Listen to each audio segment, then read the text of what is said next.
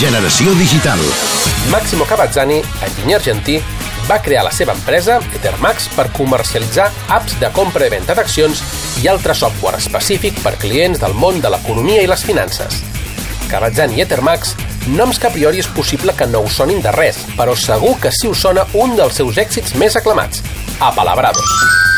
Des de l'any 2012, aquesta versió del popular joc de paraules Scrabble s'ha convertit en un dels jocs de més èxits a l'estat espanyol i Llatinoamèrica, on des de fa poc ha sigut superat per un altre dels seus productes, Preguntados, amb més de 16 milions de descargues en 4 mesos. Amb un joc basat en la franquícia Futbol Club Barcelona a la butxaca, Cavazzani arriba al Game Lab per parlar sobre el mercat hispanoparlant de jocs per mòbil.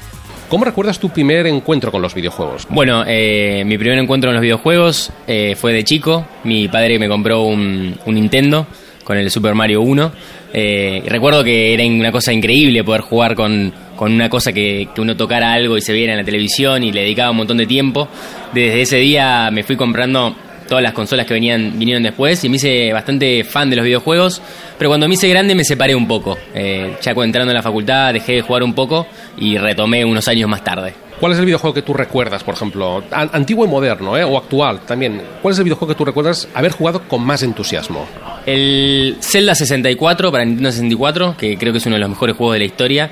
Eh, es un juego que también eh, lo recuerdo como verlo como una obra de arte, no podía creer que, existiera y que, tuviese todos los matices que tenía. Así que ese es el que recuerdo con más cariño. El éxito tan, tan rápido y tan, tan masivo que ha tenido uh, los juegos de Max, uh, ¿crees que recae basarse en mecánicas que le son muy familiares al público, con lo cual es fácil que la gente se vaya enganchando. Y hablamos, por ejemplo, de apalabrados, que tiene un símil en juegos de, palabras muy conocidos como podía ser Scrabble, mezcladitos, que eh, recuerda al, armar palabras o al Google, o presentados que tiene ese componente de trivial que la gente pues le es fácil de reconocer. Creo que nosotros trabajamos mucho en lo que es la simplicidad. Es difícil llegar a la simplicidad. Es mucho más fácil hacer algo complejo en informática que algo, que algo simple.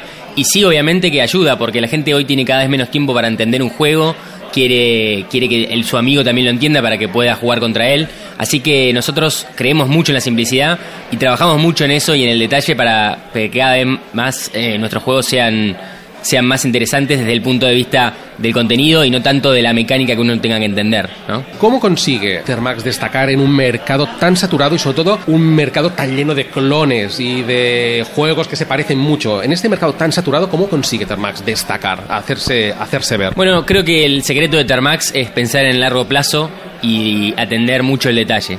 Nosotros somos una personas que atendemos mucho el detalle, tratamos de revisar todo el tiempo lo que estamos haciendo y como digo siempre es un mercado donde, el mejor se lleva todo, entonces uno tiene que buscar ser el mejor eh, en el corto, en el mediano y en el largo plazo y así uno se separa de cualquier cosa, se separa de los clones, se separa de otras empresas, se separa de cualquier cosa porque hacemos cosas que a nosotros nos interesan y nos gustaría jugar. No, no, estamos guiados por las métricas, guiados por el negocio, sino guiamos, guiados por, por el producto. El juego en plataforma móvil y red social ha sido un campo de cultivo para un tipo de modelos de, de, monetización y de negocio que eh, hubiera resultado muy difícil implantar de buenas a primeras en el mercado del videojuego tradicional para consola o para ordenador.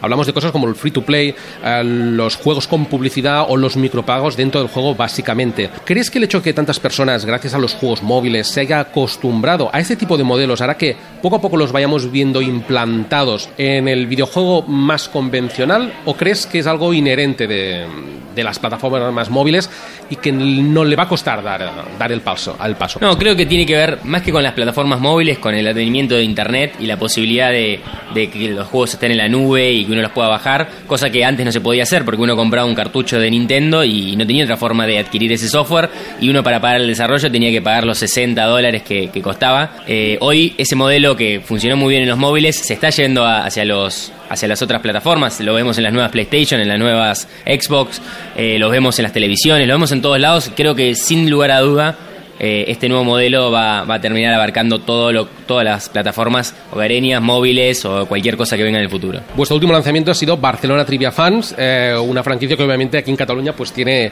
tiene muchísima importancia. ¿Cómo ha sido trabajar con un nombre eh, como Fútbol Club Barcelona? ¿Habéis tenido una gran libertad o habéis tenido mucho control eh, por, uh, de la franquicia, ¿no? Os ha encontrado mucho que hacíais con ese nombre. Bueno, primero Barcelona, nos, el Fútbol Club Barcelona, nos buscó a nosotros por una cuestión de, nombre, porque habían tenido malas experiencias. Nos dieron mucha libertad, aunque obviamente tenemos nuestras restricciones. Nosotros creemos en el producto, como te dije antes, con lo cual eh, para nosotros era importante que, estuviese muy, muy en sincronía con ellos.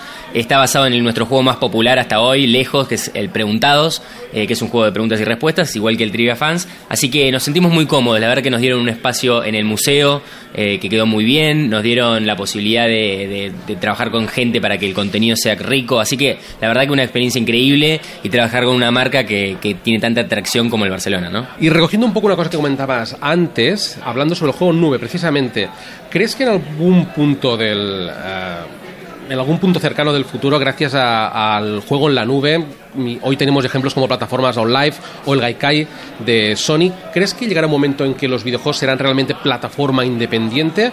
Eh, las cosas toman mucha, muchas formas, ¿no? Y creo que este es el caso. Puede ser que pase, puede ser que no, y en algunos lugares eh, pasará pero no es tan importante pensar en qué forma va a tomar, sino en, cuáles son las cosas que más atraccionan a, los usuarios y, bueno, y esperar ver cómo viene el futuro y cómo las empresas eh, se ponen de cara a ese futuro. Perfecto, pues muchas gracias y disfrutad de, de Game Lab. Gracias a vos.